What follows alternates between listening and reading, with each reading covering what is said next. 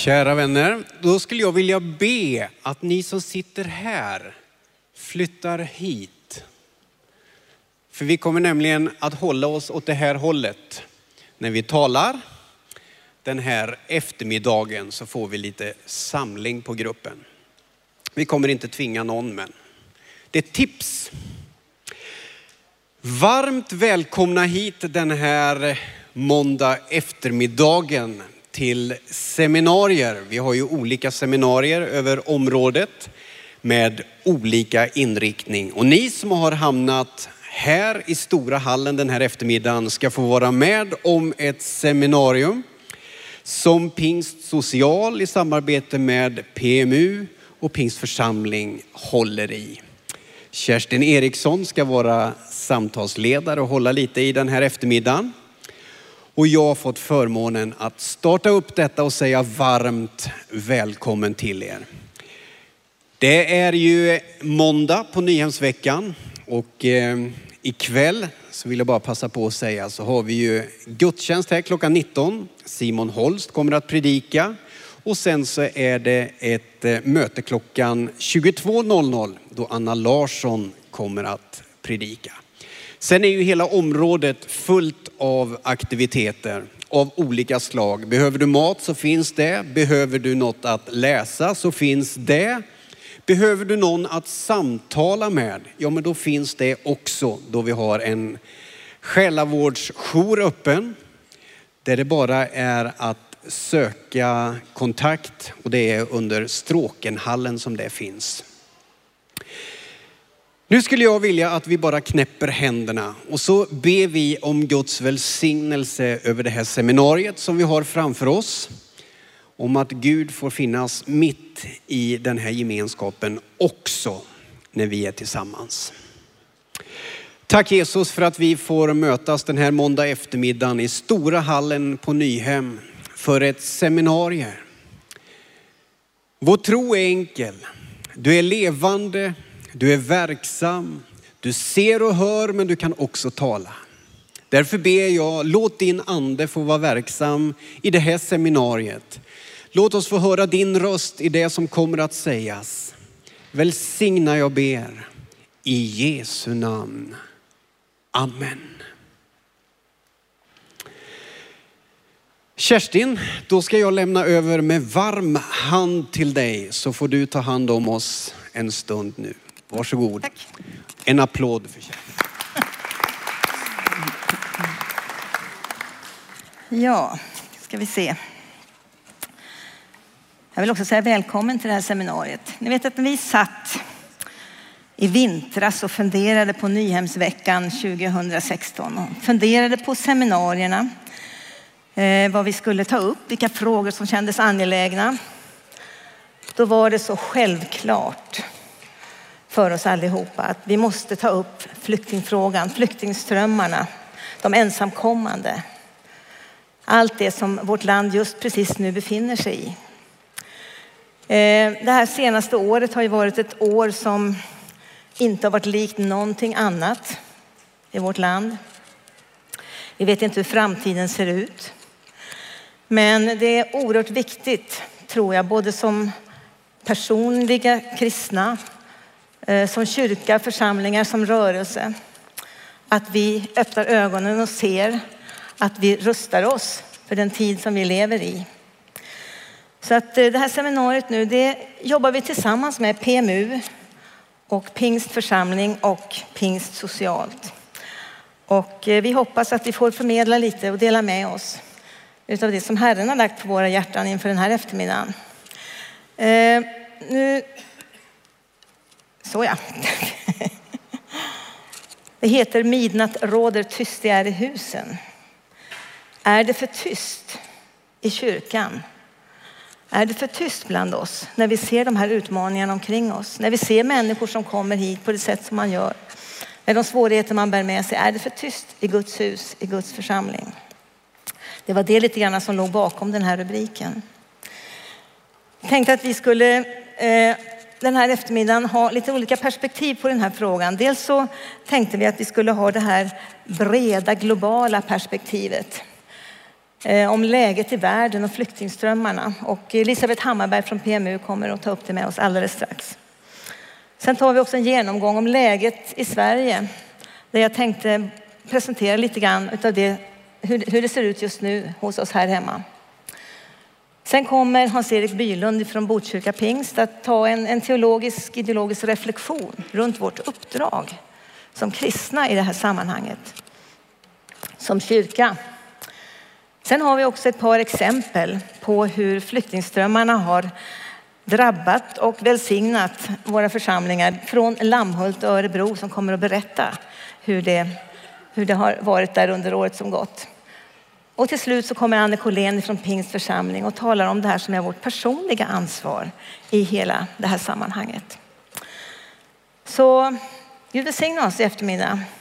Så sätter vi igång Elisabeth. Varsågod.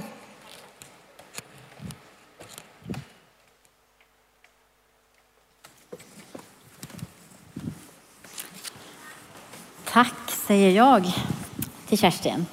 Jätteroligt att vara här. Elisabeth Hammarberg heter alltså jag, jobbar på PMU med kommunikation och insamling.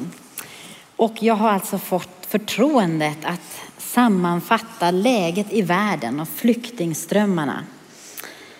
Och allt eftersom jag har förberett mig för det här så har jag känt att det är en utmaning att göra på några få minuter. Så jag ska inte ens försöka, men jag ska dela med mig av några glimtar, några tankar och till att börja med så ska jag ta hjälp av UNHCR som har gjort en film som illustrerar läget. Så vi ska börja med att titta på den filmen. They flee in crushing numbers, driven by war, by ethnic conflict, by natural disasters, by fear.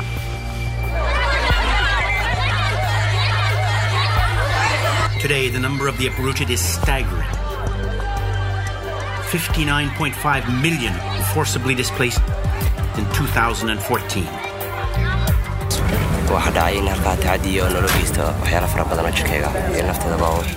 طبعا قتل كان بجنبي واحد كمان قتل براسه تمام أنا أكلت خمس طلقات بالمنطقة هاي بعد ما انصابت خلص شعرت إنه خلص انتهت حياتي آه، الألم كان ما يوصف The numbers explode upwards 13.9 million newly displaced people, 11 million within their own country. That's the highest figure on record.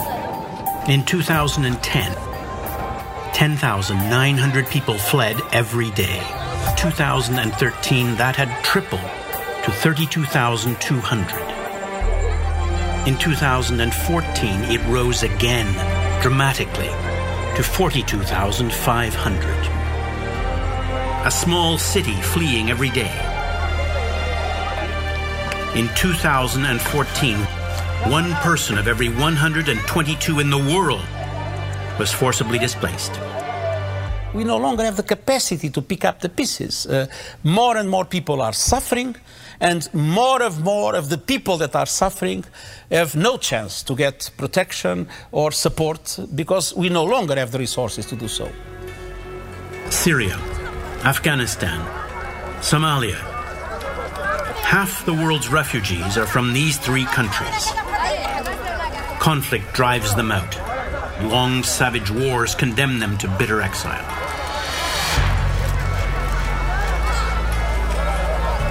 Syria's neighbor, Turkey, became in 2014 the world's largest refugee hosting country, with no fewer than 1.59 million people. It was followed by Pakistan, Lebanon, Iran, Ethiopia, and Jordan. Alongside the refugees, those forced from their homes, but not their countries. 2014 saw new conflict, new wounds, tens of thousands of the newly internally displaced. In Iraq, in Cameroon, Ukraine, Central African Republic, South Sudan. In 2014, they were 38.2 million, an increase of almost 5 million over 2013. Conflicts, new and old, but one brutal constant. The young bear the brunt of suffering. More than 50% of the world's refugees are under the age of 18. In northern Iraq, a small boy cries. He is Yazidi, driven with his family from his home. He is internally displaced. اجبر پیرما بو ما بازا نخوش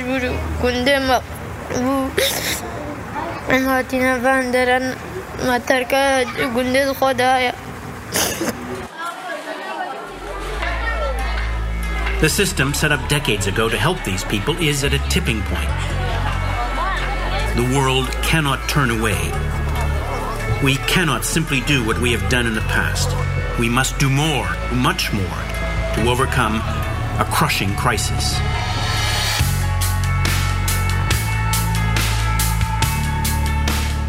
Mm.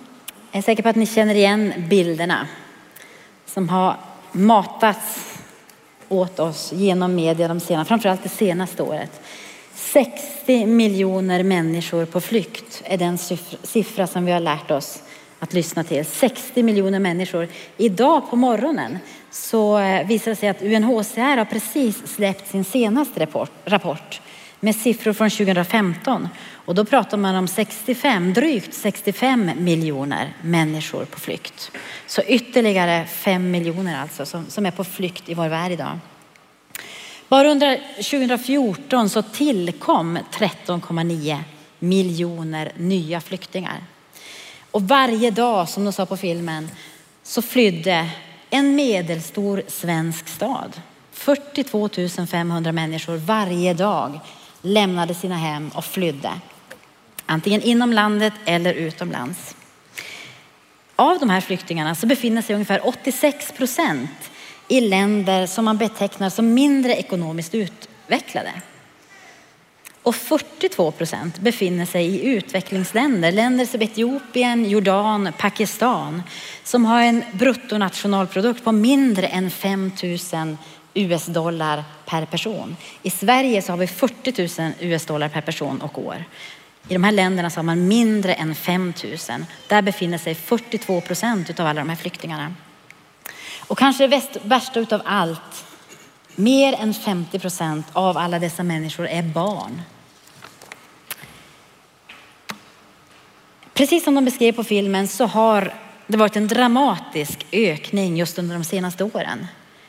Där siffrorna nästan obegripligt har ökat från år till år. Och då blir det ju så att man funderar, vad är det egentligen som händer? Vad är det som pågår i vår värld? Står vi inför en global kollaps? En kris som vi inte kommer att klara av att hantera? Blir det bara värre och värre? Eller är det faktiskt så att det blir bättre, att det går åt rätt håll? Det finns faktiskt de som hävdar det. Trots den senaste årens utveckling så finns det de som hävdar att det blir bättre i vår värld. Sanningen är att det är nog lite både och. Det beror på vem man frågar. Det beror på vad man väljer att titta på, vilka faktorer man tittar på och vilken tidsperiod man väljer att titta på. Det blir nämligen både bättre och sämre. Eh, vi ska få fram en bild här. Om man tittar på antalet barn som får gå i skola. Om man tittar på antalet kvinnor som överlever sin graviditet. Om man tittar på antalet människor som kan läsa och skriva, om man tittar på den extrema fattigdomen så blir det faktiskt bättre. Barn som inte får gå i skola har minskat med 42 miljoner mellan åren 2000 och 2012. 2000 var det ungefär 100 miljoner barn som inte fick gå i skola. 2012 var det 58 miljoner. Fortfarande en enorm utmaning, fortfarande väldigt mycket att göra, men ändå en klar förbättring. Barnadödligheten har minskat från 91 barn per tusen till 51 barn per tusen jämfört med 1990. Också fortfarande en utmaning, men en mycket bättre siffra. Mödradödligheten som ni ser minskat med 45 procent. Den extrema fattigdomen minskat med 50 procent. Och även om man tittar på den demokratiska utvecklingen i världen så har det blivit bättre. Idag så betecknas 94 länder som demokratiska länder och 24 betecknas som odemokratiska. Sen finns det ett antal länder som ligger där mittemellan som som inte är totalt odemokratiska men sen heller inte kan betecknas som demokratiska. Bara på mitten av 70-talet så var den här förhållandet det omvända. Då var det betydligt fler som var odemokratiska än som var demokratiska. Så vi går åt rätt håll.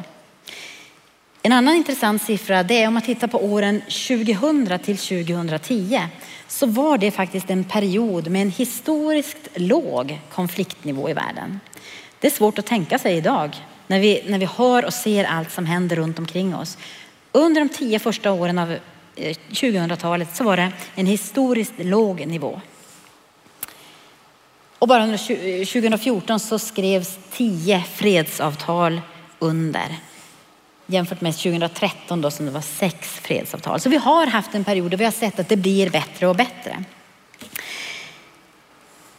Men trots alla de här positiva siffrorna så har vi då de senaste åren, precis som ni såg på filmen tidigare, sett en väldigt negativ utveckling. Där konflikterna har ökat och den demokratiska utvecklingen har gått tillbaka. Mellan åren 2013 och 2014 så ökade antalet konflikter med 18 procent. Samma år, 2013 till 2014, så ökade antalet krig från 6 till 11.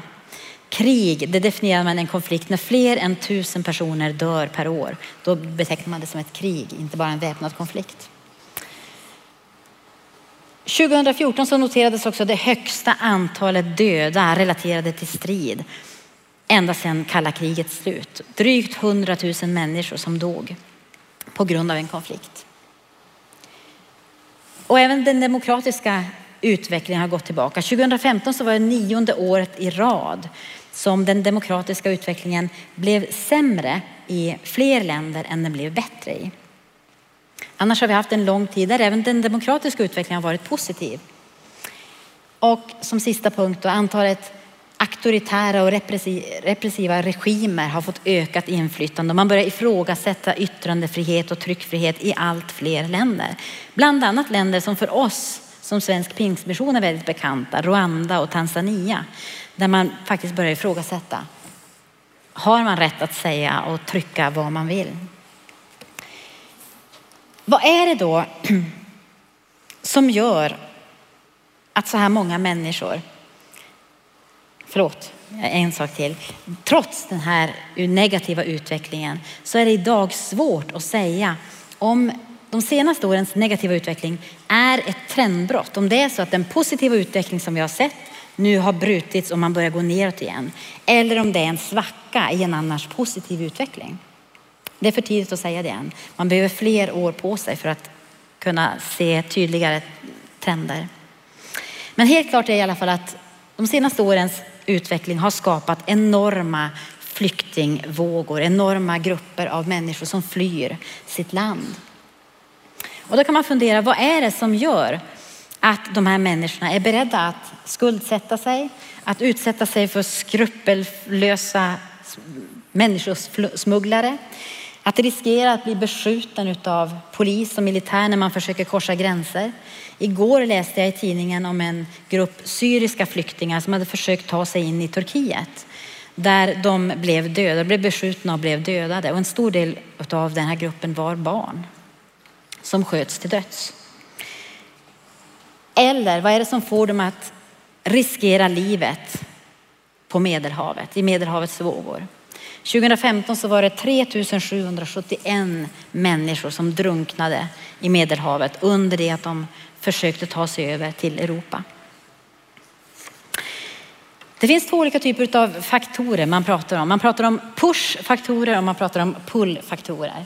Push det är sånt som driver människor bort från deras länder, som, känner att, som driver människor iväg från olika områden. Och pull det är det här som attraherar, som lockar människor, som drar dem till sig. Och om vi ska titta på de länder som är de, därifrån de största flyktinggrupperna kommer idag så är det Syrien, Afghanistan och Somalia om vi tittar på de grupper som finns i världen totalt sett. Om vi väljer att bara se på Sverige så är det fortfarande Syrien och Afghanistan i topp, men då ligger Irak på tredje plats. Situationen, förhållandena i de här länderna, det är väldigt typiskt för de faktorer som driver människor bort ifrån områden. Det handlar om krig, förföljelse, framförallt förföljelse av etniska och religiösa minoriteter. Det handlar om självmordsbombare, olika grupper som vill ta kontroll utav, över både mark och människor. Det är talibaner, det är IS och det är al-Shabaab. Terrordrabbade områden. Ja, ni ser listan. Mer eller mindre samma beskrivning av alla de här länderna därifrån människor flyr, det vill säga de stora flyktingströmmarna. Typiska pushfaktorer. Det som driver människor bort ifrån sitt hem. Och Sverige å sin sida står ju då för mycket av det som drar människor till sig. Det som attraherar människor som pullfaktorerna är. Det är den demokratiska situationen som vi har, friheten som vi har, utbildningsmöjligheter, livet som man kan leva i Sverige. Det är naturligtvis sånt som människor hör talas om och som lockar människor att söka ett annat liv. Ibland så hör man ju människor som uttalar sig ganska negativt om det här. Många gånger så kan jag ha hört den här meningen att människor som kommer hit, de kommer inte direkt från krig, utan de har varit någon annanstans och sen har de mellanlandat, till exempel i ett flyktingläger i Libanon. Och sen efter en tid så väljer de att komma vidare och, och försöka ta sig till Sverige. Och ibland så kan man ana en, en ganska negativ ton i det, att man försöker söka sig hit för att ta del av våran välfärd eller söka sig ett bättre liv. Utifrån det så skulle jag vilja berätta om två möten som jag har haft under det senaste året. Det första mötet, det är en syrisk flyktingfamilj som jag mötte i ett flyktingläger i Libanon förra våren. De hade lämnat Syrien och bodde nu i relativ trygghet får man väl säga i ett flyktingläger då, i Libanon. Åtminstone så slapp de fundera över om bomberna skulle falla över deras tält på natten. Men när de lämnade Syrien så lämnade de allt som representerade livet för dem.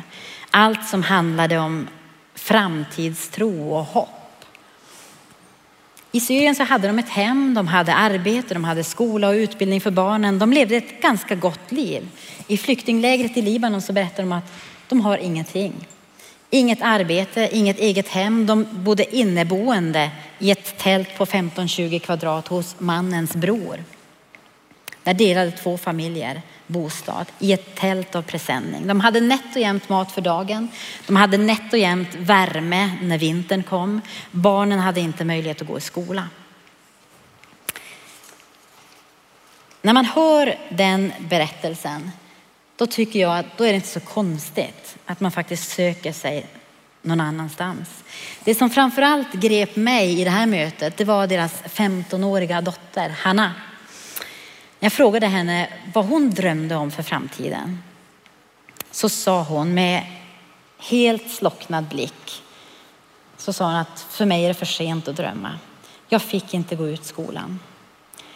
Och det var verkligen någonting som, som grep tag i mig så att det faktiskt brast för mig. En 15-årig ung tjej som hade tappat allt vad framtidstro hette, allt vad hopp hette. Som mamma så är det väldigt lätt för mig att förstå att som förälder så gör man allt för att söka sig till en ny framtid. Söka sig till nya möjligheter och åtminstone få se att barnen får ett gott liv. Att de får ett liv i frihet och i trygghet där de kan få tillbaka framtidstron. Det andra mötet som jag skulle vilja berätta om det är 17-åriga Henrik som han vill kalla sig. Som jag mötte bara för ett par veckor sedan i Stockholm. Han kom till Sverige i december 2015 som ensamkommande flyktingbarn. Han är född och uppvuxen i Afghanistan. När han var tio år så kom talibanerna och tog hans pappa. Och samma natt som hans pappa blev tagen så bestämde sig hans mamma för att skicka iväg honom. För hon var rädd att talibanerna skulle komma och ta Henrik också hjärntvätta honom och skicka ut honom i kriget. Så hon bestämde sig för att skicka iväg honom först till Kabul och sen tillsammans med ett par kusiner till Iran. Och sen har han bott i Iran från när han var 10 år tills han var 16-17 år. Första året tillsammans med sin morbror. Sen for morbror hem till Afghanistan och han blev kvar i Iran. Som Hassar, som är hans etniska ursprung, så hade han ingen rätt att skaffa sig något ID. Och genom att han inte hade något ID så kunde han heller inte ta sig in i stan. Han fick inte skaffa något simkort så han kunde inte ha någon mobiltelefon. Han hade inga möjligheter att utbilda sig utan han var hänvisad till att bo och leva på den fabrik där han arbetade. Det var hans liv, det var hans framtid. Han såg ingen annan framtid i Iran. Han berättade om att det här var otroligt deprimerande för honom. Han hade tappat all tro på framtiden, allt hopp.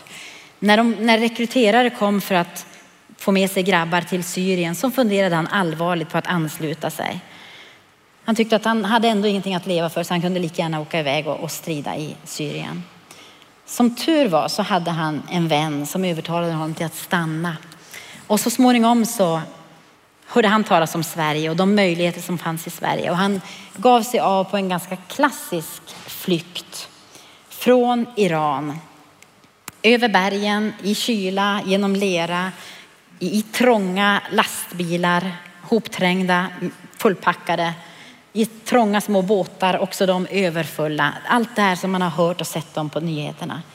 Den flykten gjorde han 17 år gammal tillsammans med en kompis. Och det som var gripande tyckte jag, det var när han berättade om den känsla som han fick när han insåg att han var i Sverige. De tyckte att det gick lite för fort från att de var i Danmark till dess att de kom till Sverige. Så de var tvungna att söka upp en polis och ställa frågan, vilket land är vi i? Och så fick de höra att de var i Sverige. Och han, man såg på hela hans ansikte när han berättade för mig hur glad han var. Vilken känsla, vilken lättnad och vilken glädje det var för honom att inse att han var i Sverige. Och då fylldes jag, när han berättade det, då fylldes jag av sån glädje och sån ödmjuk stolthet och tacksamhet över att vårt land faktiskt får vara ett land där människor finner sin tillflykt, där man får hitta trygghet, säkerhet där man kan komma till ro. Det är en otrolig välsignelse som vi har, som vi ska vara rädda om och som vi ska ta vara på. Att vi får vara fristaden för människor. Idag har även Henrik fått framtidstron tillbaka. Han berättar om att han vill läsa till IT-ingenjör. Han, han inser att ja, men där finns det möjligheter till arbete och där, han var intresserad av IT. Sen vill han också ut och jobba som volontär. För de volontärer som han har mött under sin flykt hade betytt så mycket för honom. Så han vill gärna göra en insats själv för människor som är på flykt. Sen frågade jag honom om det var någonting som han, jag berättade om det här seminariet och frågade, är det någonting som du skulle vilja säga till den gruppen människor som kommer att lyssna på det här? Och jag ska läsa upp det han sa till mig då. Då sa han så här.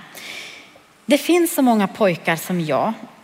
De vet inte hur de ska hitta rätt. I många fall så är de muslimer, men de tror inte på islam.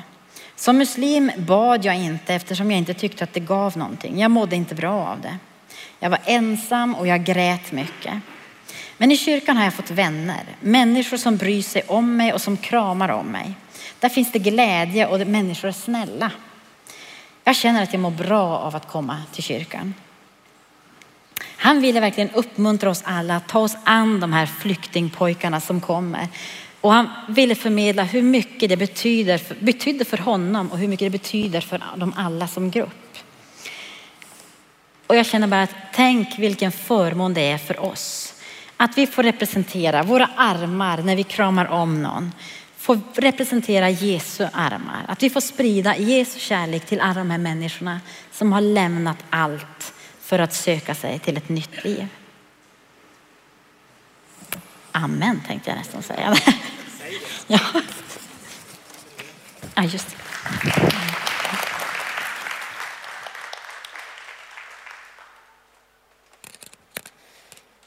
Ja, tack Elisabeth.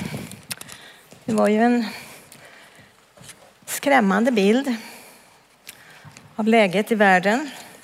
Jag tänkte vi ska titta lite grann då på vad har hänt då i vårt land eh, i samband med detta. Och, eh, jag vet inte, förra hösten Det här är ju antal asylsökande 2013, 14, 15 och 16 nu är en liten på slutet där nere. Eh, och ni ser ju här hösten 2015 och det här vet vi ju om, vi har hört det rapporteras i media och sånt, men det är lite mäktigt ändå när man ser det så här i siffror. Och jag tänker på förra hösten, jag vet ju jag själv kom med tåg ner från Malmö en dag i oktober eller var det november och möttes på centralstationen av Migrationsverket och av Röda Korset och av Refugees eh, Welcome, en ny organisation som bildades just för detta ändamål.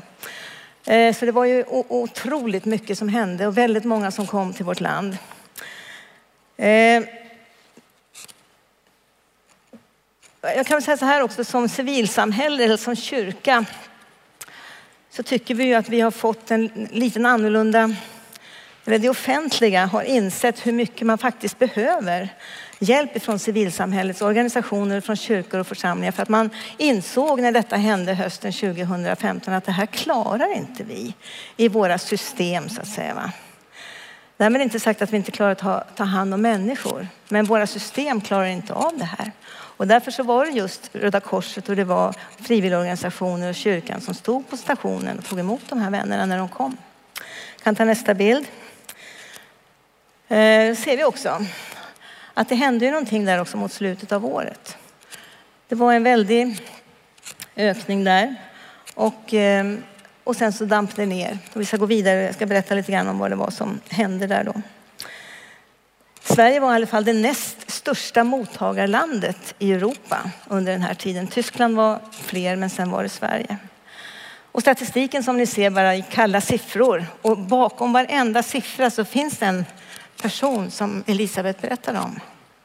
får inte glömma det liksom. Det är bara siffror här, men det är människor och kött och blod. 163 000 personer som sökte asyl i Sverige 2016, 15. I år hittills är det 13 000. Vad har hänt? Och så ser vi då på de här ensamkommande flyktingbarnen. 35 000 kom förra året. I år hittills så är det 1 000. 35 000 ensamkommande barn och ungdomar. LP-verksamheten har ehm, ett seminarium i Almedalen i sommar faktiskt som vi har kallat från krigszon till riskzon. För det är ju så, många av de här ensamkommande barnen, det handlar om ensamkommande flyktingbarn och deras, att de lever idag i en riskzon här i Sverige. Risker att hamna i psykisk ohälsa och missbruk och all, alla sådana svårigheter.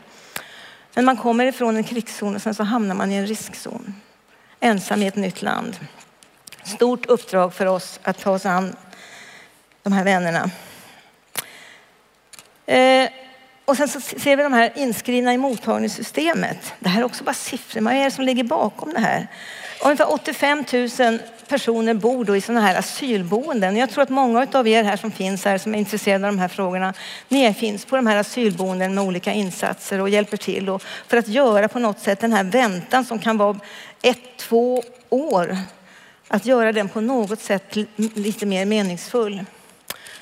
85 000 sen är det ungefär 48 000 som bor i eget boende. De bor alltså hos sina familjer eller släktingar eller vänner. Det är som de säger att Tensta, ni vet utanför Stockholm som ju är ett väldigt invandrartätt, befolkningen där har nästan fördubblats under förra hösten. Och det är ju så, och, och, och jag kan säga att den gruppen som bor i eget boende, de har det kanske ännu svårare. Bor jättetrångt i små lägenheter och väldigt svårt att nå.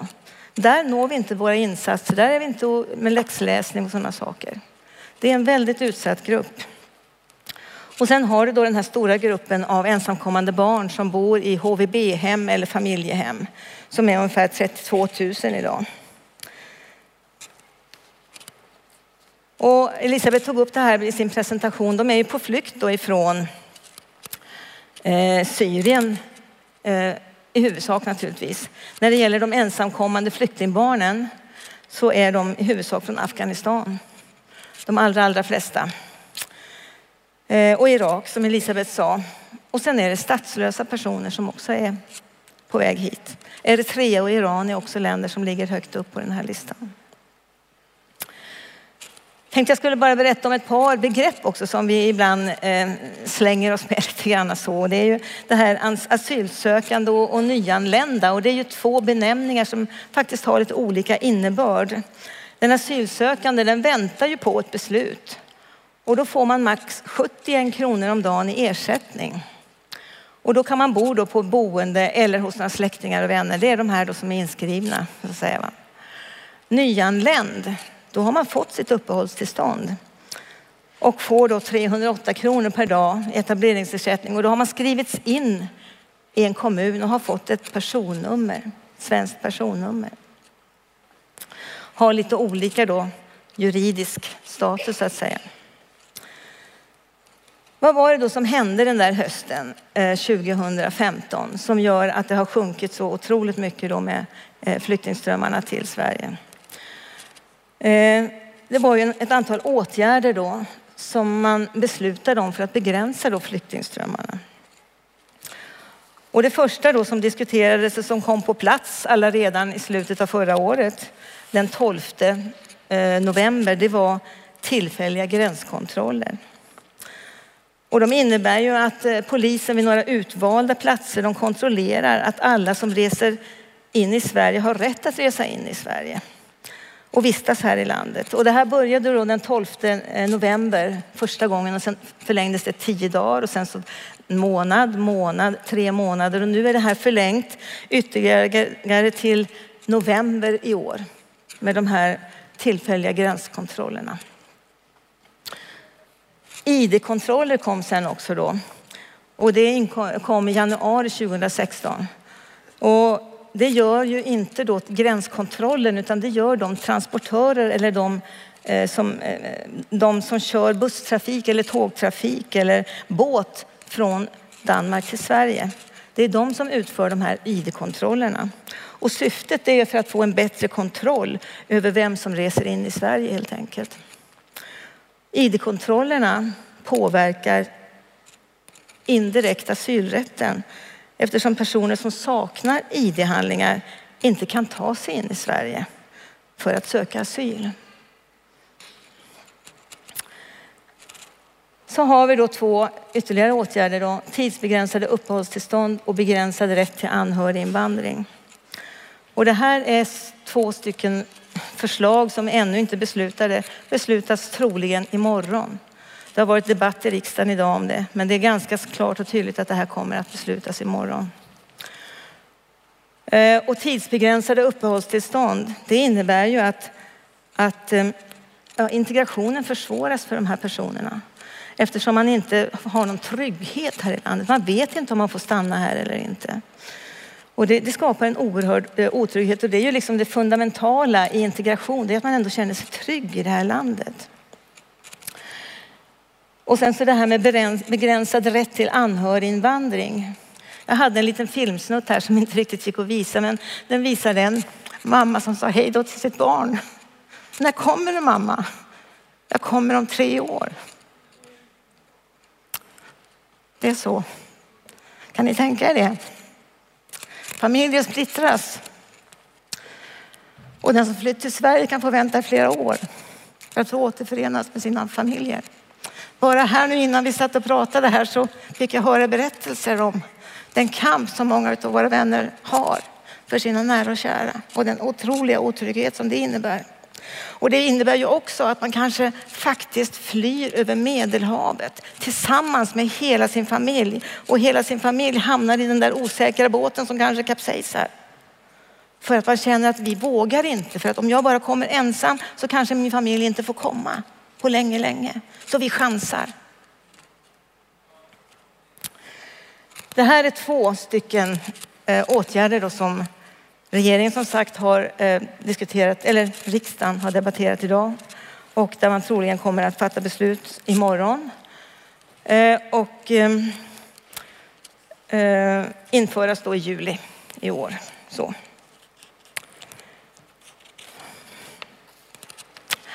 Hur ser det då ut framåt? Ja, prognosen framåt. Det enda vi kan vara säkra på är att utvecklingen framåt är väldigt osäker. Jag läste det där någonstans bland alla och det är väl precis så det är. Och det är precis så, det, allting utgår ju från det som Elisabeth berättade om här. Flyktingströmmarna, världsläget. Eh, ja, allting beror på det.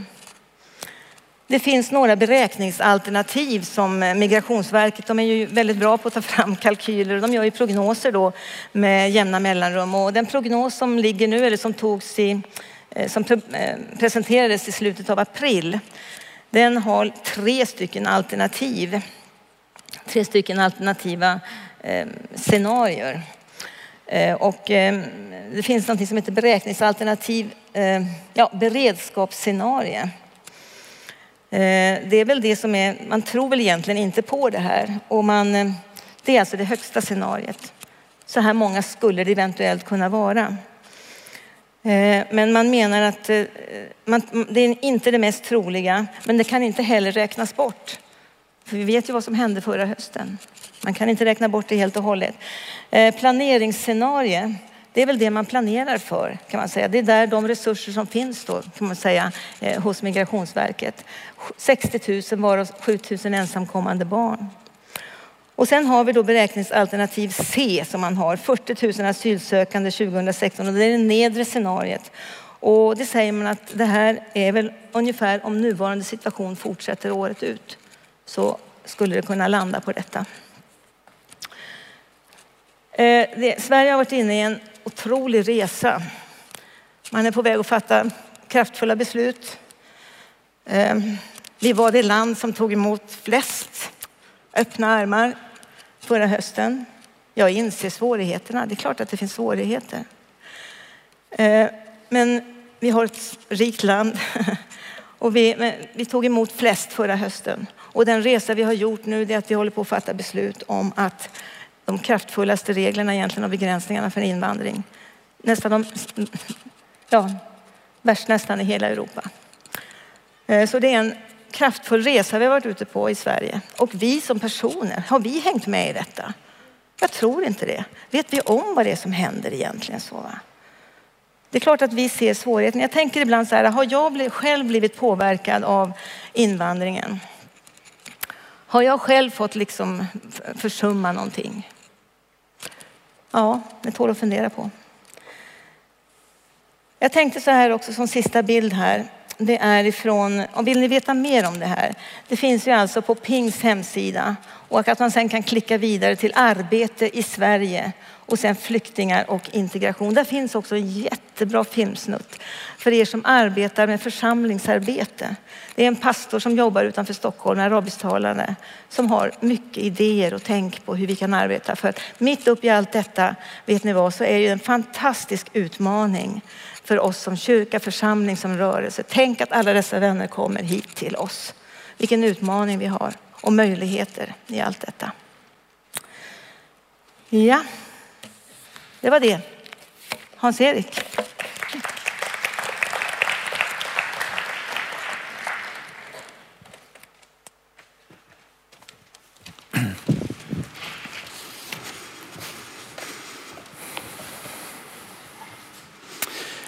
Hans-Erik Bylund från Botkyrka pingstförsamling och ska ge er på 15 minuter ett litet mini-bibelstudium. Det är inte så lätt. Men jag ska säga några ord utifrån Bibeln om temat som vi har. Eh, och jag skulle egentligen vilja kalla det ett, ett kristet bibliskt perspektiv på flyktingsituationen. Och vår uppgift blir ju då att stå för det perspektivet. Om man läser i, i, i Bibeln, de fem Moseböckerna, det som eh, judarna kallar för lagen. Jag fick höra det här när jag gick på bibelskola för 30 år sedan. Så länge sedan att om du räknar alla ord från ena hållet och från andra ordet och ser var du hamnar exakt mitten av lagen, då hamnar du i tredje Mosebok kapitel 19 och vers 18 med de ord som är du ska älska din nästa som dig själv. Det är exakt i mitten av lagen, därför kallar judarna det för centrumbudet. De orden sammanfattar ju allt det Gud vill säga till oss om hur vi människor ska vara mot varandra. Och att det här är själva kärnan av det, det understryker Paulus i Galaterbrevet 5 och 14 när han säger Hela lagen sammanfattas i detta enda bud. Du ska älska din nästa som dig själv. Och Jesus han förklarar ju vad det här att älska sin nästa som sig själv handlar om. När han får en fråga från en laglärd så ger han oss den kända berättelsen om den barmhärtige samarien. Den här laglärde mannen visste ju mycket väl att lagen sammanfattas i du ska älska Gud av hela ditt hjärta, din själ, din kraft, ditt förstånd och din nästa som dig själv. Men han hade inte koll på vad det innebar i praktiken och vilka personer det handlade om. Och därför får vi den som jag tror ni alla känner till. Det som handlar om hur den mannen blev slagen, överfallen av rövare, prästen går förbi, leviten, tempeltjänaren går förbi. Men så kommer den otippade hjälten i den här berättelsen, Samarien som var från fel folk, fel religion och så vidare. Och då läser vi i Lukas 10 och 33. Men en samarier som var på resa kom och fick se honom ligga där och han fylldes av medlidande. Det som händer är att samarien identifierar sig med en man som ligger slagen. Och jag läste i studiebibeln att här använder man det grekiska ordet är det starkaste ordet för medlidande. Det finns flera, men här är det starkaste ordet för medlidande som finns i det grekiska språket. Och för att förstå vad det handlar om så ska vi ta en parallell. Paulus använder det här ordet när han vädjar för den, för, den förrymde slaven Onesimos. Har du hört talas om Onesimos? Han var slav hos Filemon.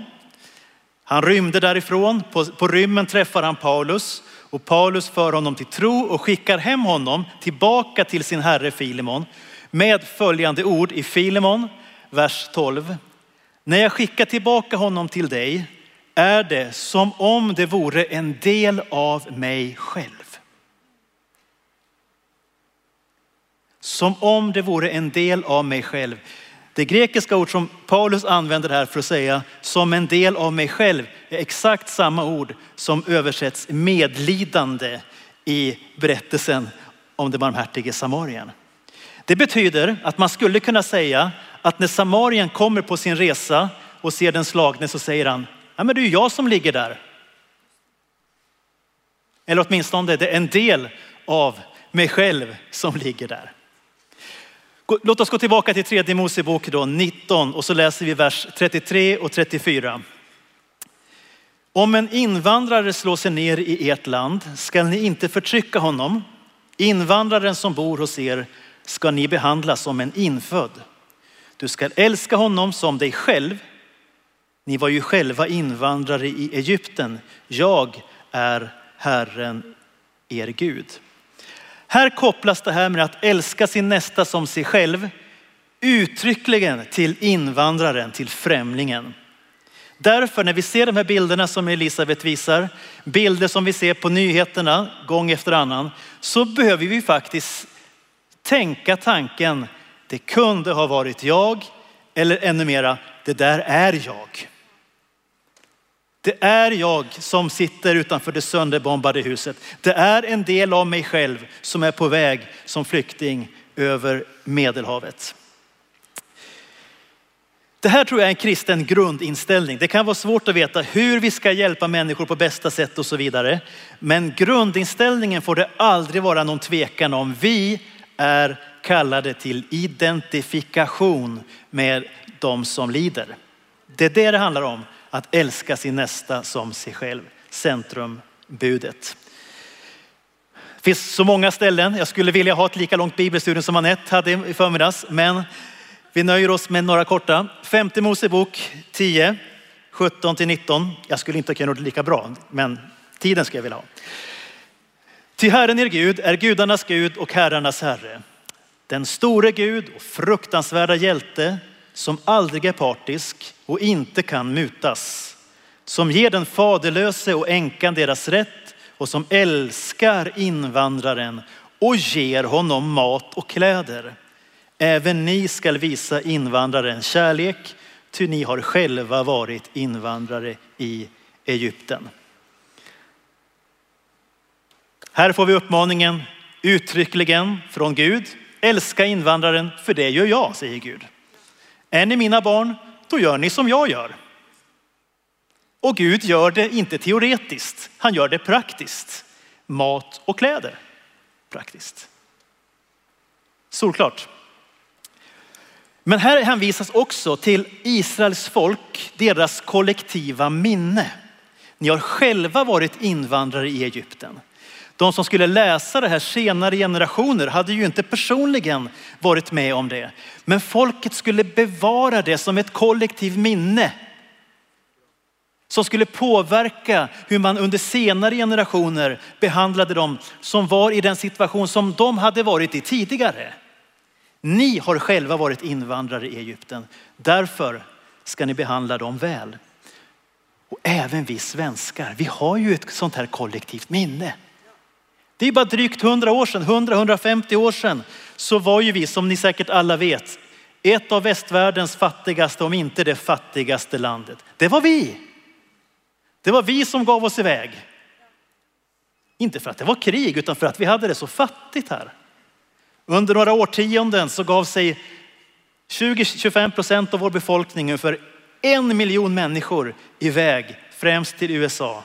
Därför att det var svårt att leva här. Den erfarenheten, som inte är långt borta, borde faktiskt prägla oss.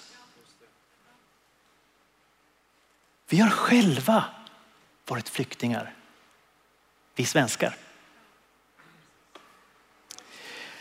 Som sagt, det finns mängder av bibelord, massor av bibelord om det här med hur vi ska hantera, bemöta främlingen. Inte minst hos gamla testamentets profeter. Bibelord som där Guds hjärta liksom lyser fram. Guds hjärta som på ett speciellt sätt bultar för de faderlösa, änkorna och främlingen.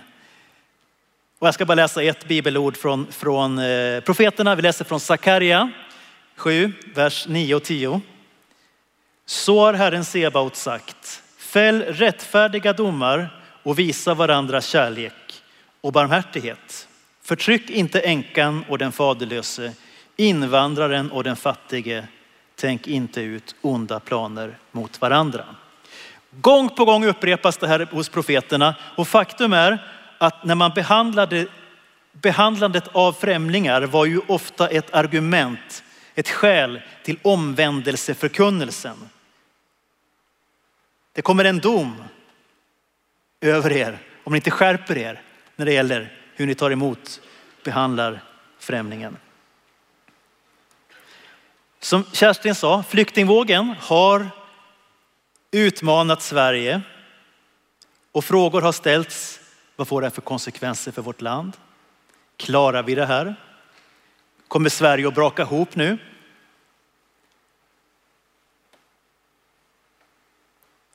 Och visst är det en utmaning, men om man jämför med när man visar Libanon till exempel.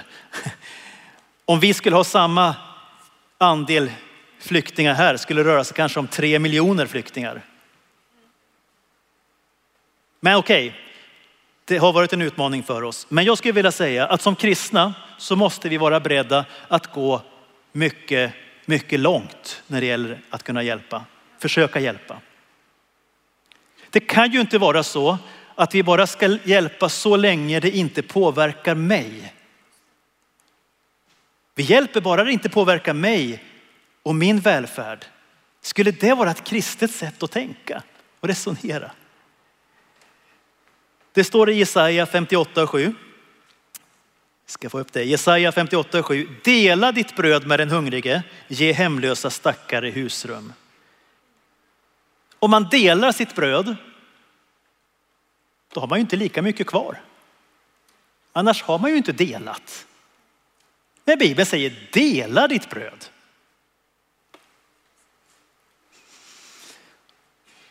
Men även om vi skulle behöva avstå från någonting för att hjälpa så får vi det som är mycket viktigare, nämligen Guds välsignelse. Tror vi på Guds välsignelse? Jag är helt övertygad och därför tycker jag det är allvarligt det som sker i vårt land faktiskt, när vi drar åt. För det står i Ordspråksboken, jag har inte med den här, men det står i 28 och 27. Den som ger åt de fattiga ska ingenting sakna. Dela ditt bröd med den hungrige. Ni vet hur det gick när Jesus delade brödet. Till de hungriga. 5 000 män plus kvinnor plus barn. Det var mer efteråt än det var innan. Det är det som kallas för välsignelse. Vi som kristna har ett annat sätt att räkna än världen som du talar om. Och det kristna sättet att räkna är att om du ger så får du mer. Vågar vi lita på det som kristna? Vågar vi stå för den inställningen? Vågar vi tro på Gud? Om vi ger kommer vi inte att sakna. Jag kan ta en parallell. I min förra församling där jag jobbade uppe i Härnösand så bodde jag samma trappuppgång som gamla tant Anna Eurenius.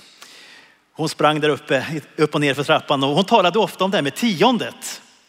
Och hon sa om tiondet, jag har inte råd att inte ge tionde. Jag har inte råd att inte ge tionde. Vad hon menade det var att jag har inte råd att missa den välsignelse som jag upplever att det ger att ge tionde. Hon hade inte råd att vara utan det. Och då tänker jag för Sveriges land och folk, har vi råd som land? Det låter nästan som en politiker, men ja, jag är lite så också. Men har vi råd att missa välsignelsen faktiskt som det innebär att hjälpa människor i nöd? Och är det en slump att det faktiskt har varit de länder som har tagit emot flest i Europa som har haft de starkaste ekonomierna, Sverige och Tyskland? Jag tror inte det, men det är min uppfattning. Till sist, givetvis är också det här flyktingvågen ett tillfälle för oss att dela med oss av livets bröd till de människor som kommer av Jesus Kristus. Det finns en rädsla hos människor i Sverige och jag har även hört det bland kristna. Nu kommer muslimerna och tar över. Men om vi som kristna tänker så, då har vi en väldigt liten Gud. Väldigt liten Gud. Jag tror att de kommer hit för att få höra om Jesus, för lära känna honom. Jag tror inte att Gud har skapat flyktingvågen, men jag tror som alltid så använder Gud det som sker för att hans syften ska förverkligas. Att alla människor ska få höra talas om Jesus, få del av evangeliet. Och jag har ingen siffra, men jag tittar på olika personer som jag vet att här och överallt så döps för detta muslimer i stora antal, hundratal, kanske tusentals i Sverige. Här har vi en roll att spela. Så min sammanfattning, älska flyktingen, invandraren som sig själv, handlar om identifikation. Det kunde ha varit jag, det är jag. Guds omsorg är inriktad på invandraren, flyktingen. Vi är hans barn, vi gör som han. Vårt kollektiva minne i Sverige, vi har också varit flyktingar. När vi delar vårt bröd så blir det välsignelse. Och låt oss inte missa den chans som det faktiskt är att ge evangeliet vidare. Tack. Amen.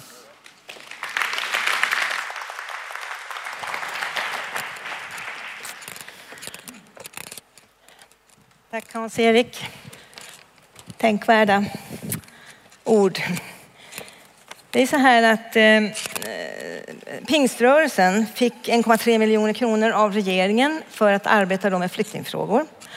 Eh, och det vi gjorde då det var att vi utlyste så att man fick ansöka pengar, max 50 000 kronor för olika initiativ ute i församlingar. Eh, och eh, vi tänkte så här, vi får väl se om det, om det kommer in ansökningar och så. Vi, och ni vet att det bara rann, det drällde över oss ansökningar. Mer än vad vi kunde ana så kom det. Och det var så spännande att få läsa de här ansökningarna för att det var så mycket nya saker, initiativ och engagemang. Så det, vi kände så att ja, församlingarna har verkligen ryckt ut. Så. Det var läxläsning och det var affärsrörelser och det var fester och det var skjuts till kyrkan och tolk och jag kan inte räkna upp allt eh, uppfinningsrikt så. Så jag tänkte nu i det här seminariet som vi har så ska vi få ett par exempel. Och nu väljer jag inte de där största församlingarna för de är ju liksom inte riktigt typiska så. Utan jag tänkte jag skulle väl, eh, eh, fundera på att välja ett par lite mer typiska församlingar i storlek och i, i så. Så jag har ett par vänner ifrån Lammhult och jag har eh, Sören som står där ja, ifrån Örebro. Tänkte du skulle berätta lite grann hur det har eh, drabbat er så att säga med flyktingströmmarna och hur ni har jobbat i församlingen med det. Varsågod Sören, du kan börja så fortsätter ni sen. Mm. Ja, Sören Perrer heter jag, kommer från Örebro. En liten rännil av den här väldiga flyktingströmmen har ju också kommit till Örebro. Jag kan inte säga att vi hade en eh, mångårig plan och strategi för att, att eh, möta det här.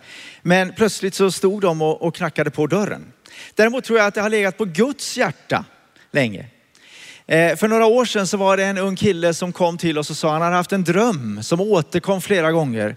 Han såg framför sig en lång kö utav människor utanför våran kyrkdörr i Pingstkyrkan i Örebro. De var lite luggslitna, lite, lite, lite utsatta. Men dörren var stängd. Det där blev ett budskap som vi var tvungna att ta till oss och pröva oss inför.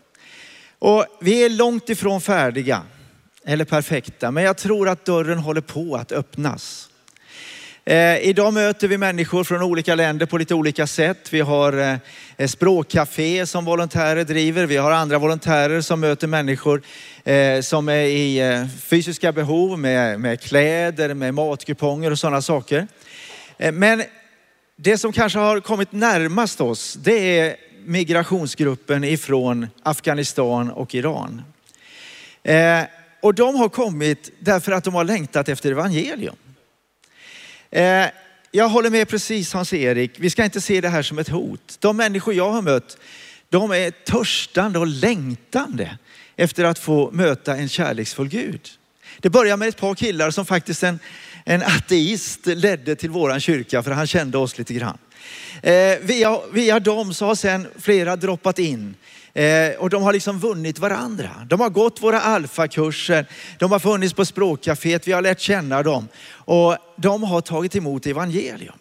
Och det är fascinerande att få se vilken öppenhet de har haft. Jag satt och räknade häromdagen och jag, under de senaste åren så har vi döpt eh, 15 stycken människor från Iran och Afghanistan, mest från Afghanistan, före detta muslimer. Det är inga jätteskaror, men jag vet ju samtidigt att det finns missionärer som har jobbat i muslimska länder i årtionden och, och knappt fått se några döpas till Kristus. Eh, det här har varit en stor glädje, få se människor som vinner sina vänner, som tar med sig. Eh, se kyrkan bli en mer blandad kongregation. Det är en stor glädje. Få se människor som tar emot Kristus med en sån stor glädje. Men det är naturligtvis också en vånda. Därför att vi får alla de här berättelserna. Det som Elisabet eh, berättade om. Vi, vi hör om de som har suttit där på, på havet och, och ropat till Gud eh, för att överleva. Och vi har de här som brottas med, ska de få vara kvar i vårt land eller inte? Vid ett par tillfällen har jag varit med på migrationsdomstolen och, och vittnat. Eh, den ena gången gick det bra, den andra gången blev den här personen hemskickad igen till sitt hemland. Det där lever man ju med. Just när jag sitter här och väntar så får jag ett sms på en som, som ska bli utvisad om ett par dagar eh, om ingenting händer. Det där är en kamp och det är en vånda. Men eh, vi tror att det är i det här vi ska finnas. Det här är människor som Gud har skapat. Och jag tror att det här är Guds tid. Precis som du var inne på Hans-Erik. Jag tror att Gud använder den här oerhört tragiska situationen vänder den till att människor tar emot Kristus. Och vi vill vara med på ett litet hörn också i Örebro och se det här hända. Vi har ingen flyktingförläggning eh, i, centralt i stan eller så, utan det är människor som, de, som ni beskrev här, som bor hos, sina, eh, eller hos någon som de får kontakt med. Eh, och på det viset så har vi också fått kontakt och får leva tillsammans med dem.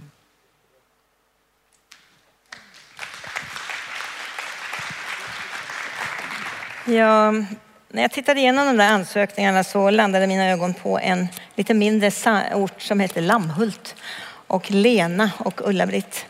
Och sen så ringde jag upp Lena och pratade lite grann om det här seminariet och jag blev så gripen när jag pratade med dig så jag tänkte nu får ni berätta om vad ni gör i Lammhult. Ja, då börjar jag. Jag heter Ulla-Britt Friberg och jag ska berätta för er vad jag gör på måndagar. I ett bostadsområde så kom det väldigt många barn och det var ifrån Somalien och ifrån eh, Syrien. Och då frågade bostadsbolaget oss i kyrkan om vi skulle vilja göra någonting för barnen som bor där. Och antagligen var vi förberedda i våra hjärtan för då var vi, jag och två till som också pensionärer. Då kände vi att det var precis vad vi ville göra. Nu har vi hållit på där i fem år. Och då har vi en samling på måndagskvällen som vi kallar måndagskul. Och det är de barnens egna grej. Inga föräldrar får plats för det är ungefär sju gånger sju meter, den kvarterslokalen vi får låna. Och vi provade att sätta barnen på stolar när de kom, men det gick inte för alla kom inte samtidigt. Så att vi sätter alla barnen på golvet på tältmötesdynor. Och så berättar vi för dem och så tänkte vi, hur gör vi nu? Vi kan ju inte deras språk och de kan inte vårt. Vi använder flanellograf och berättar berättelserna från Bibeln. Och sen sjunger vi våra sånger och då blir det rörelsesånger. Och så lär de sig det. Och sen tar de med sig alla nya som kommer. Så vi har nya barn varenda gång. Sen när vi har berättat för dem så brukar vi bjuda dem på fika, vilket uppskattas. Och då använder vi borden såklart. Sen gör vi alltid något pyssel som de får ta med sig hem. Det här är deras grej och det är väldigt viktigt för dem att vara med. Och vi försöker skriva upp vad de heter och så pratar vi med dem och så är vi deras eh, mormor eller farmor kanske. Vi känner bara att eh, Gud är med och välsignar och eh, jag träffade en familj som har bott i Lammhult som flyttat när de flyttade ner till Blekinge så var vi på besök hos dem och det roligaste de tre busiga barnen hade med sig som minne från Lammhult det var måndagskul. Och då tänkte vi då betyder det någonting. Det är inte alltid barnen sitter stilla precis som ni gör men eh, de lyssnar bättre eller lika bra som er. Så så vill jag berätta för er.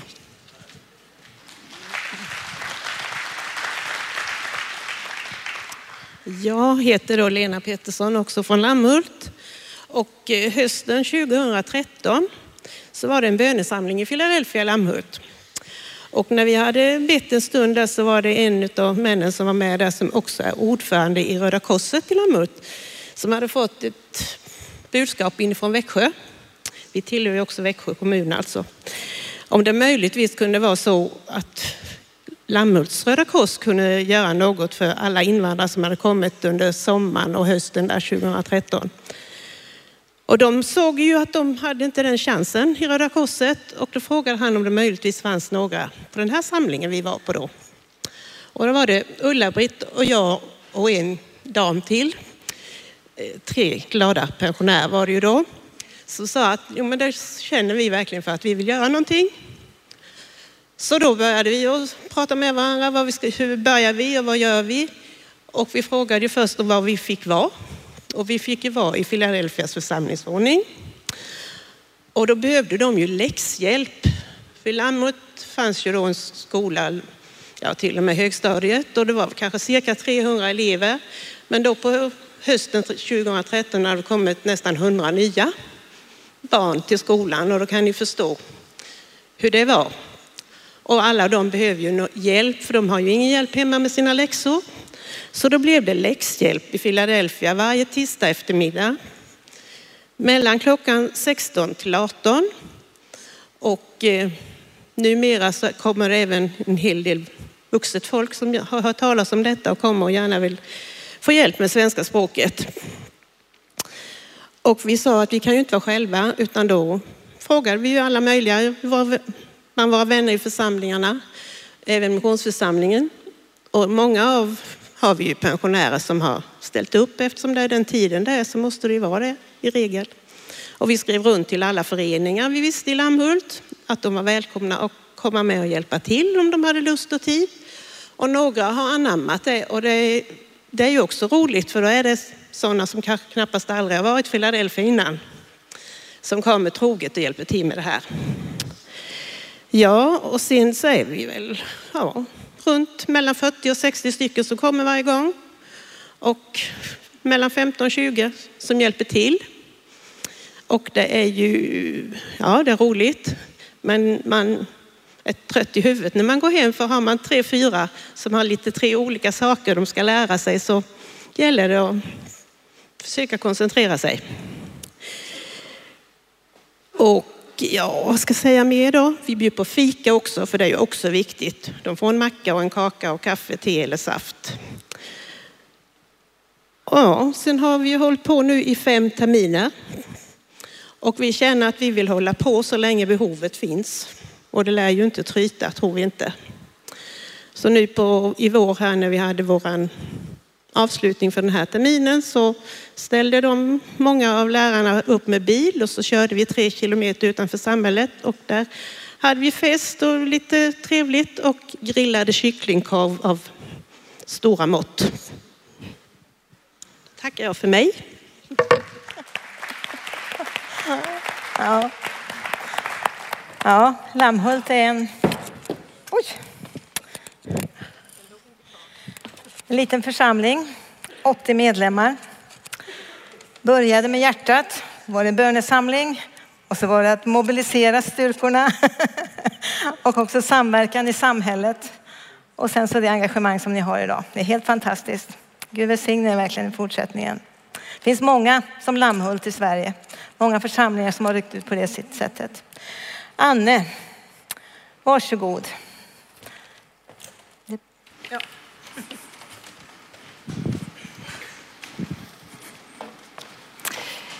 Ja, hörni. Anne Collén heter jag, är från Västerås.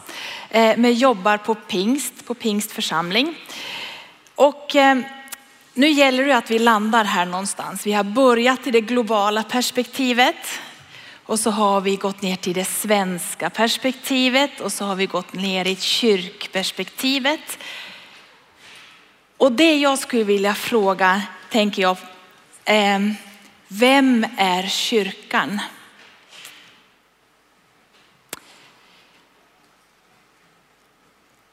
Är det du och jag? Eller är det pastorerna? Eller är det ledarskapet? Vem ska göra det som Hans-Erik pratade om idag? Vem är den barmhärtige samariten? Vem delar sitt bröd med den hungrige och ger den hemlöse stackaren ett husrum? Är det kyrkan? Som en definition? Eller är det du och jag?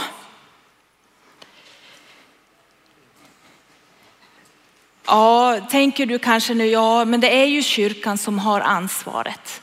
Det är ju pastorerna som bestämmer, det är ju ledarskapet som bestämmer. Och vem är då jag? Var hamnar jag i det här någonstans? Det är ju ändå inte jag som bestämmer. Vet du, det är ganska lätt, jag, jag sitter här själv och, och tänker, ja men det är de som har ansvaret för globala värden och det är ju svenska, det är politikerna som har ansvaret och kyrkan, det är ju pastorn som har ansvaret. Ja, på sätt och vis. Men vi som inte sitter i något av de här leden, vi har ju en röst hörni. Du och jag är församlingen. Utan dig och mig så skulle pastorerna nog vara ganska ensamma hörni. Och de orkar inte göra allt. Det är du och jag. Och vi har fått en röst. Så om inte din församling gör någonting i flyktingfrågan så säg excuse me. Jag är med i den här församlingen och jag tycker att vi ska göra någonting. Det är ditt och mitt ansvar.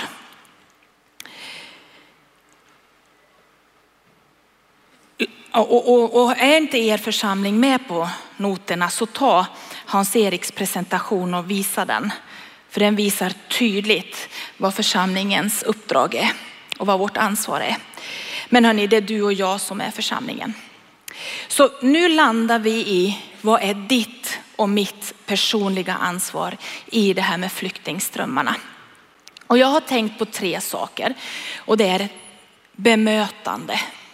Hur bemöter vi våra flyktingar oavsett om vi är i församlingen eller inte, utan det här är vårt personliga liv, vårt ansvar i vår vardag. Inte bara på söndagen utan hela tiden. Det är bemötande. Vad är det jag säger? Hur uttrycker jag mig? Och vad är det jag gör? En av våra elever på, på vårt språkcafé som vi har i, i Västerås så kom hon, hon heter Marina och hon är flykting från Syrien. Hon har lärt sig ganska bra svenska. Och så kom hon till mig och så sa hon så här, du Anne, jag skulle vilja veta lite grann, vad mer kan jag säga till en svensk?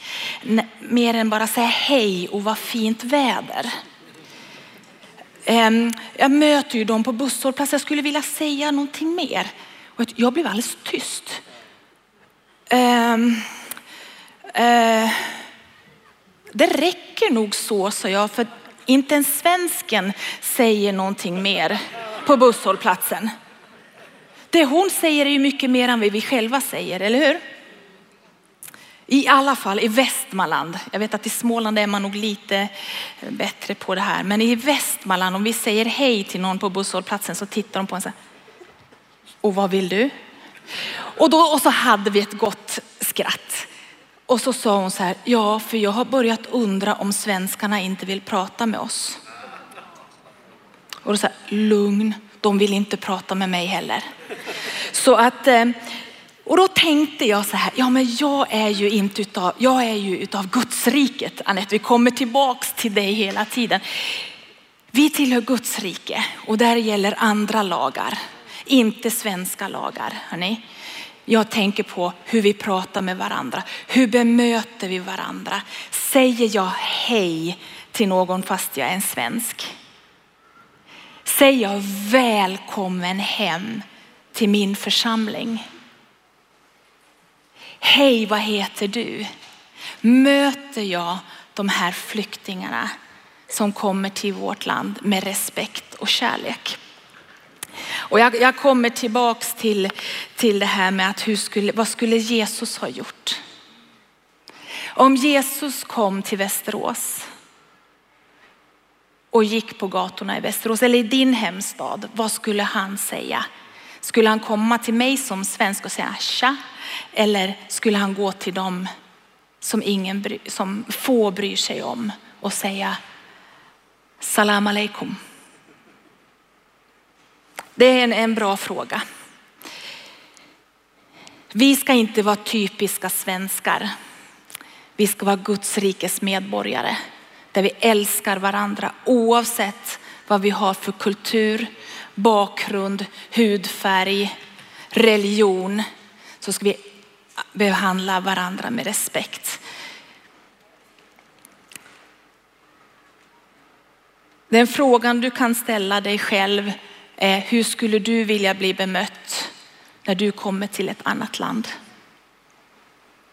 Om du flyttar, jag vet inte hur många av er som har bott utomlands, men eh, jag har gjort det och jag vet hur jag önskar att jag blev bemött. Ehm, när jag kommer till en ny församling, ett ställe där jag aldrig kanske har varit förut, jag kommer ensam, så vet jag hur jag skulle vilja bli bemött. Så ha det i tanken när du bemöter och möter de här flyktingarna. Nyckelorden är respekt och kärlek hörni, i vårt bemötande. Jag var på skolavslutning i fredags eh, och rektorn där höll ett tal till eleverna. Och eh, han, eh, det här var till högstadieelever och han sa så här, han sa så här, vi ska ta ansvar för det skrivna ordet. Och det ville han skicka med till eleverna apropå det här med vad vi skriver på sociala media. Ni vet näthat och nätmobbing och våran, eller den här skolan då som vår dotter går på har varit utsatt för just det ganska mycket. Och han sa vi behöver ta ansvar för det skrivna ordet. Och då tänkte jag så här, ja vi behöver också ta ansvar för det uttalade ordet. Vad är det vi säger? Hur säger vi saker och ting? Hur uttrycker vi oss? Och det jag har märkt eh, i, i, samhället är, det här väldigt utbrett, men vad jag har märkt även in i våra församlingar och kyrkor, och det här är ju sånt som jag har hört själv. Det är ju det här att det smyger faktiskt in lite vad vi kallar smygrasism. Vi uttrycker oss ganska klumpigt egentligen. Ehm, och jag vet inte om ni känner igen er, men, men flera av de här sakerna har jag sagt själv. Saker som, eh, jag är inte rasist, men. Och så har vi en åsikt. En annan sak, borde vi inte hjälpa dem på plats istället så de slipper komma hit? Eller ska vi inte få prata om Jesus längre? Det känns lite otäckt med, med, med så mycket muslimer i kyrkan. Måste vi hålla på att tolka hela tiden? Är det inte bättre att de lär sig svenska? Nu kan man inte ens låta saker bli liggande för man vet ju aldrig. Och nu sitter du kanske och tänker så här, jaha, ska man inte få säga vad man tycker längre? Jo, det måste man ju få göra, men tänk på hur du säger saker och vad du säger. Om du efteråt måste säga så här, ja men det var inte riktigt så jag menade. Då har du nog säkert trampat i klaveret och sagt någonting som du inte borde säga. Eller sagt det kanske på felaktigt sätt. Och jag, för mig har det här blivit en sån här lite, eh, en check för mig själv. Att eh, säg ingenting som inte, du skulle, som inte du kan säga om du hade en flykting bredvid dig. Det blir lite, då blir det lite respekt. Ja, det, här, det här kanske jag inte skulle säga för då blir han eller hon ledsen. Och det är en liten sån här checkfråga. Eller ja. Så vad är det jag inte, eller vad kan jag säga eller vad ska jag säga? Tänk på, hur du, tänk på vad du säger. Tänk på hur du uttrycker dig. Ehm, och det gäller ju i alla sammanhang. Eller hur? Med vem vi än möter, tänk på vad du säger och hur du säger det. Igen, vad skulle Jesus ha sagt? Mm. Och till sist då, vad är det jag gör? Eller vad kan jag göra? Vad ska jag göra? Vad borde jag göra? Vad är mitt ansvar? Ni vet att ordet säger vi ska inte bara vara dess hörare utan också dess görare. Och eh, Matteus 28, 19, nu kommer det. Gå därför ut och gör alla folk till lärjungar. Uff. Ehm, det är sådär som kan ge dåligt samvete lägga skulden på varandra. Eh, men, vet, men det här är ett uppdrag som vi har alla fått. Jag är medveten om att alla kan inte åka ut i hela världen. Men vet ni, världen har kommit till oss. Vi såg de här länderna, de nästan de absolut svåraste länderna att åka till. De kommer till oss. De finns på vår, våran farstutrapp. Jag behöver bara kliva ut genom dörren, gå 200 meter till min busshållplats och där möter jag dem. De kommer till min församling och jag möter dem där. Så världen har kommit till oss. I Västerås så har vi, ett, ett flykt, vi har flera flyktingboenden. Ett av flyktingboendena eh, är det 600 flyktingar på den. Och en av våra vänner som bor där, han berättade att det är ungefär 20 kring 20 olika nationaliteter, nationaliteter representerade på det flyktingboendet.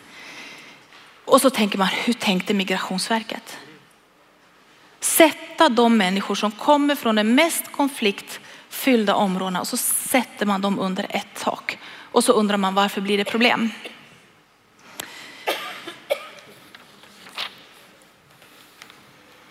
Missionsfältet har verkligen kommit till våran dörr. Ja, men vad ska jag göra då? Jo, möt behoven. Ja, hur vet jag var behoven finns? Ja, läs tidningen.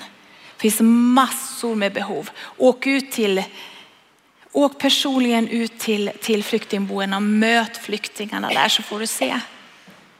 De bara ta med, vi, vi gjorde så, vår familj. Eh, jag, har, jag är gift och så har vi tre flickor. Och under jullovet mellan dagarna så sa vi så här, nej men nu måste, vi måste göra det vi säger att vi ska göra. Så vi tog kaffe och vi tog kakor med oss och så åkte vi ut till flyktingboendet och så satt vi oss där med, med vännerna och det var som en liten cirkel som blev större och större och då räckte inte vårat kaffe och kakor till och dessutom är inte våra kakor lika goda som de mellanösternkakorna som är lite torrare så här, ni vet. Men så att det växte och helt plötsligt fanns det juice på bordet och det fanns eh, fikon på bordet och där satt vi allihopa vi fem från Sverige då och sen så alla dessa flyktingar som satt där och bara ville umgås över en kopp kaffe. It made their day, sa de efteråt. Det här var det roligaste vi har gjort på jättelänge. Så enkelt men så tacksamt. Var en vän, bjud på kaffe. De får knappt knack kaffe på, på flyktingmord men säger du, ska vi inte åka ner på stan och så bjuder jag dig på en kopp kaffe också mycket enkelt att göra. Matteus 25 och 35 så står det så här, jag var hungrig, jag var törstig, jag var hemlös, jag var naken och sjuk och jag satt i fängelse. Vet ni, det är en beskrivning av många av våra flyktingar som kommer till Sverige idag. Och vad säger då Jesus? Vad ni har gjort mot för någon av dessa mina minsta, det har ni gjort mot mig.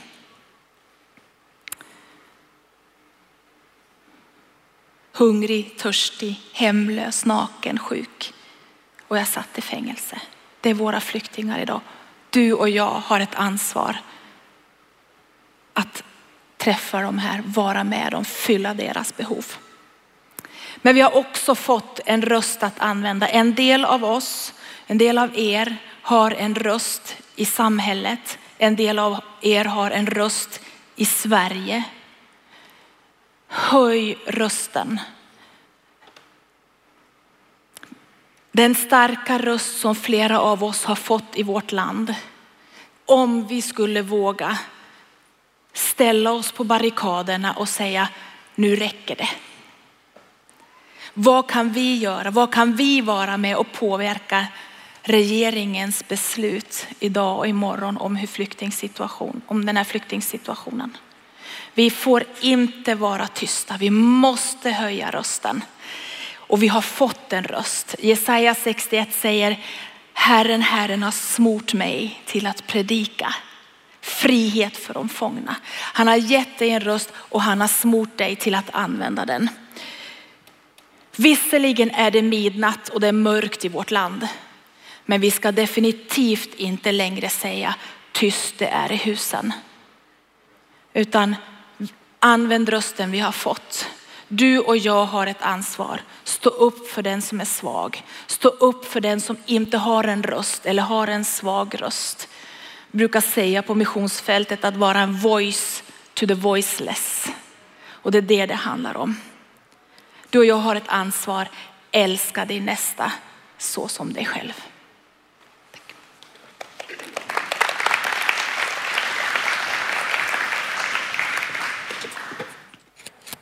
Ja, tack Anne. Vårt seminarium närmar sig slutet. Och eh, tacka er allihopa som har varit här. Fortsättning på den här eh, Midnatt råder, tyst är i husen, alla sova, släckta är och ljusen. Hoppas vi har tänt lite ljus här idag. Tror det. Jag känner själv att jag har fått med mig tänkvärda tankar i arbetet framåt. Att vi får fortsätta att vara de där som tänker med hjärtat.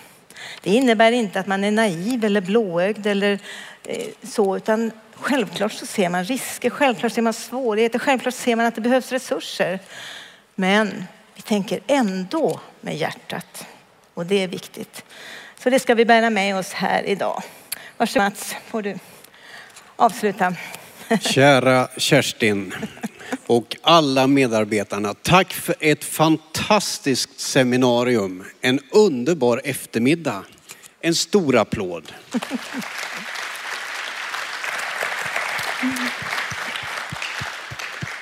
Det är ju som så här, det är ju samma problem som när man går på ett LP-möte eh, som nu inträffar en sån här eftermiddag. Man känner ju bara att man vill vara med, engagera sig på alla möjliga sätt. Jag börjar smsa. Jag har förmånen att ha en fadderpojk i vår familj från Afghanistan. Så jag smsade med honom lite nu under eftermiddagen och, och skrev lite till honom. Han sa, jag ska titta på er på webben, sa han. Så att han skulle vara med också. Alltså det är någonting när man får komma de här människorna nära. Det gör skillnad. Jag är ju uppvuxen i pingströrelsen och jag har varit på bönemöten sedan jag kröp tror jag. Ja, jag kryper ju än, men inte på det sättet. Och där har vi bett och ropat till Gud om väckelse. Och när jag växte upp så var väckelse för mig eh, definitionen på att vi gör det vi gör nu, fast vi är många fler. Alltså ingenting är förändrat, men det är många fler som gör det vi gör nu. Nu är ju jag lite äldre och har insett att väckelse är något helt annat. Ingenting är som det har varit förut, mer än den Gud som vi tror på. Och mycket mer folk är det. Vi ska avrunda den här samlingen med att ta upp en kollekt.